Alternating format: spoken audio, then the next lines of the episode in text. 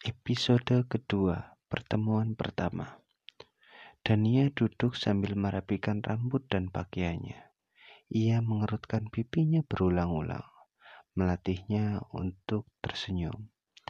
Apa pun yang terjadi, yang ia lakukan adalah cukup tersenyum. Tersenyum sambil melangkah ke lubang neraka yang dasarnya tidak ia ketahui. Pintu terbuka.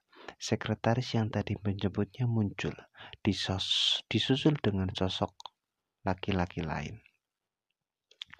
Perawakan laki-laki itu sungguh sempurna, dan ia berdiri lalu duduk. Jemarinya agak kaku. Laki-laki itu memiliki aura, aura yang kuat. Ini kali pertamanya bertemu dengan calon laki-laki yang akan menjadi suaminya. Entah karena apa, dia sudah merasa sekujur tubuhnya gemetar. Bahkan langkah kaki laki-laki itu memasuki ruangan sudah mengintimidasinya. Silakan tuan. Sekretaris itu menarik kursi dan laki-laki itu duduk dengan sikap yang sangat angkuh. Sekretaris Han meletakkan amplop besar berwarna coklat di atas meja, dan ia menatap benda itu. Apa itu? Itu surat perjanjian pranikah, dia bergumam sendiri. Dia sudah menyiapkan hatinya untuk kemungkinan seburuk yang bisa terjadi pada pernikahannya. Ini hanya pernikahan untung dan rugi. Ayahnya telah menjualnya untuk melunasi semua hutang perusahaannya. Dia tahu bahwa dia tidak punya harga diri lagi di hadapan calon suaminya. Bacalah itu peraturan yang harus kamu taati saat menjadi istriku. Dia melemparkan map besar itu di hadapan Dania dengan tangan kirinya. Perlahan Dania meraih amplop sejujurnya walaupun dia terlihat tenang namun dadanya berdetak kencang. Ia menghembuskan nafas pelan agar pikirannya tetap bisa fokus. Apa ini? Peraturan yang berlaku selama pernikahan adalah pihak pertama adalah aturan yang harus dipatuhi oleh pihak kedua, di mana pihak pertama adalah Sagara Hardian Wijaya selaku calon suami Dania Andini dan pihak kedua adalah Dania Andini. Dania mencoba mencerna tulisan yang ada di depannya. Satu kalimat panjang itu sudah mewakili semuanya, bahwa ia bukan apa-apa. Ia hanya harus patuh tanpa bicara. Apa maksudnya ini? Apa ini artinya? Dialah aturan hidup yang harus aku patuhi selama pernikahan berlangsung. Kata-katanya adalah titah. Begitu? Apa dia pikir dia itu kaisar? Seluruh bulu kudu dan yang merinding karena menyadari laki-laki di hadapannya memang bisa melakukan apa pun yang ia mau. Maaf, boleh saya bertanya, maksud dari aturan ini? Saka menatap wanita yang akan menjadi istrinya ini tajam. Artinya patuhi semua apa yang akan aku katakan. Setelah mengucapkan kalimat pendek itu, bibirnya menyeringai. Apa bisa Tuhan menjabarkan apa saja itu, agar saya tidak melakukan kesalahan ke depannya? Dan menjawab dengan tersenyum. Dia menahan hatinya yang bergejolak dengan berwajah ceria. Sekilas Dania bisa melihat Saka tersenyum dengan kata-katanya. Bibirnya terlihat sinis, tersenyum sama dengan sinis. Keluarkan HP-mu.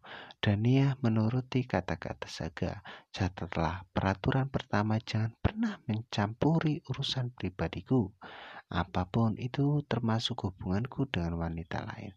Baik, Saga menatap lurus wanita di hadapannya itu di yang masih mencatat dengan cepat di HP-nya. Gadis itu tidak terlihat terkejut dengan aturan pertama yang ditulisnya. Yang kedua, lakukanlah kewajibanmu dan peranmu sebagai istriku tanpa banyak bicara. Baik, dan yang menatap Saga. Apa hanya ini Tuan? Gadis ini benar-benar sedang menantangku sepertinya Saga menatap tidak suka. Maaf, apa saya boleh menanyakan sesuatu? Katakan Saga menjawab acuh. Apa saya bisa tetap melakukan pekerjaan saya seperti biasa? Aku tidak peduli dengan pekerjaanmu. Lakukan sesukamu. Yang harus kamu lakukan adalah menjaga sikapmu di luar sana. Jangan sampai beredar gosip yang bisa menghancurkan nama baikku. Ingatlah, aku bisa membantu keluargamu bertahan hidup, tapi aku juga bisa membuatnya hancur berkeping seperti remahan debu. Dania menelan ludahnya. Benar, Seperti inilah watak asli laki-laki di depannya. Ternyata rumor berhati dingin itu sungguh benar adanya. Baik, Tuhan, saya akan patuh menjadi istri Anda dan menjalankan semua aturan yang Anda buat. Terima kasih atas semua kebaikan yang Tuhan berikan kepada keluarga saya. Saya akan membayarnya dengan jiwa dan raga saya. Ya Tuhan, apa yang sudah kukatakan? Aku pasti sudah gila. Bagaimana kata-kata keputusasaanku bisa keluar dengan indah begitu? Sepertinya kau sudah tahu harus melakukan apa. Dan ya tersenyum. Terima kasih atas pujinya Tuhan. Siapa yang memujimu? Saka memaki dengan sorot matanya. Aku sedang menghina harga dirimu. Hahaha. Aku tahu kamu bahkan tidak punya harga diri. Makanan dan minuman masuk saat pembicaraan mereka telah selesai. Sekretaris Han masuk lalu membisikkan sesuatu di telinga Saga. Setelahnya Saga terlihat sudah tidak akan meneruskan makannya karena melihat Saga bangun dari duduknya dan ia ikut refleks bangun dari kursinya. Anda akan pergi tuan. Tidak makan dulu. Sudah banyak sekali makanan di meja. Saga menghentikan langkah kakinya. Kau bisa menghabiskan semuanya. Tidak tuan, ini banyak sekali. Dan ia mengedarkan pandangannya pada makanan di atas meja. Kalau begitu kenapa kau tidak bawa pulang dan ajak makan keluargamu? Ia tersenyum, tapi senyum itu berarti merendahkan. Dia menarik bibirnya dengan sinis.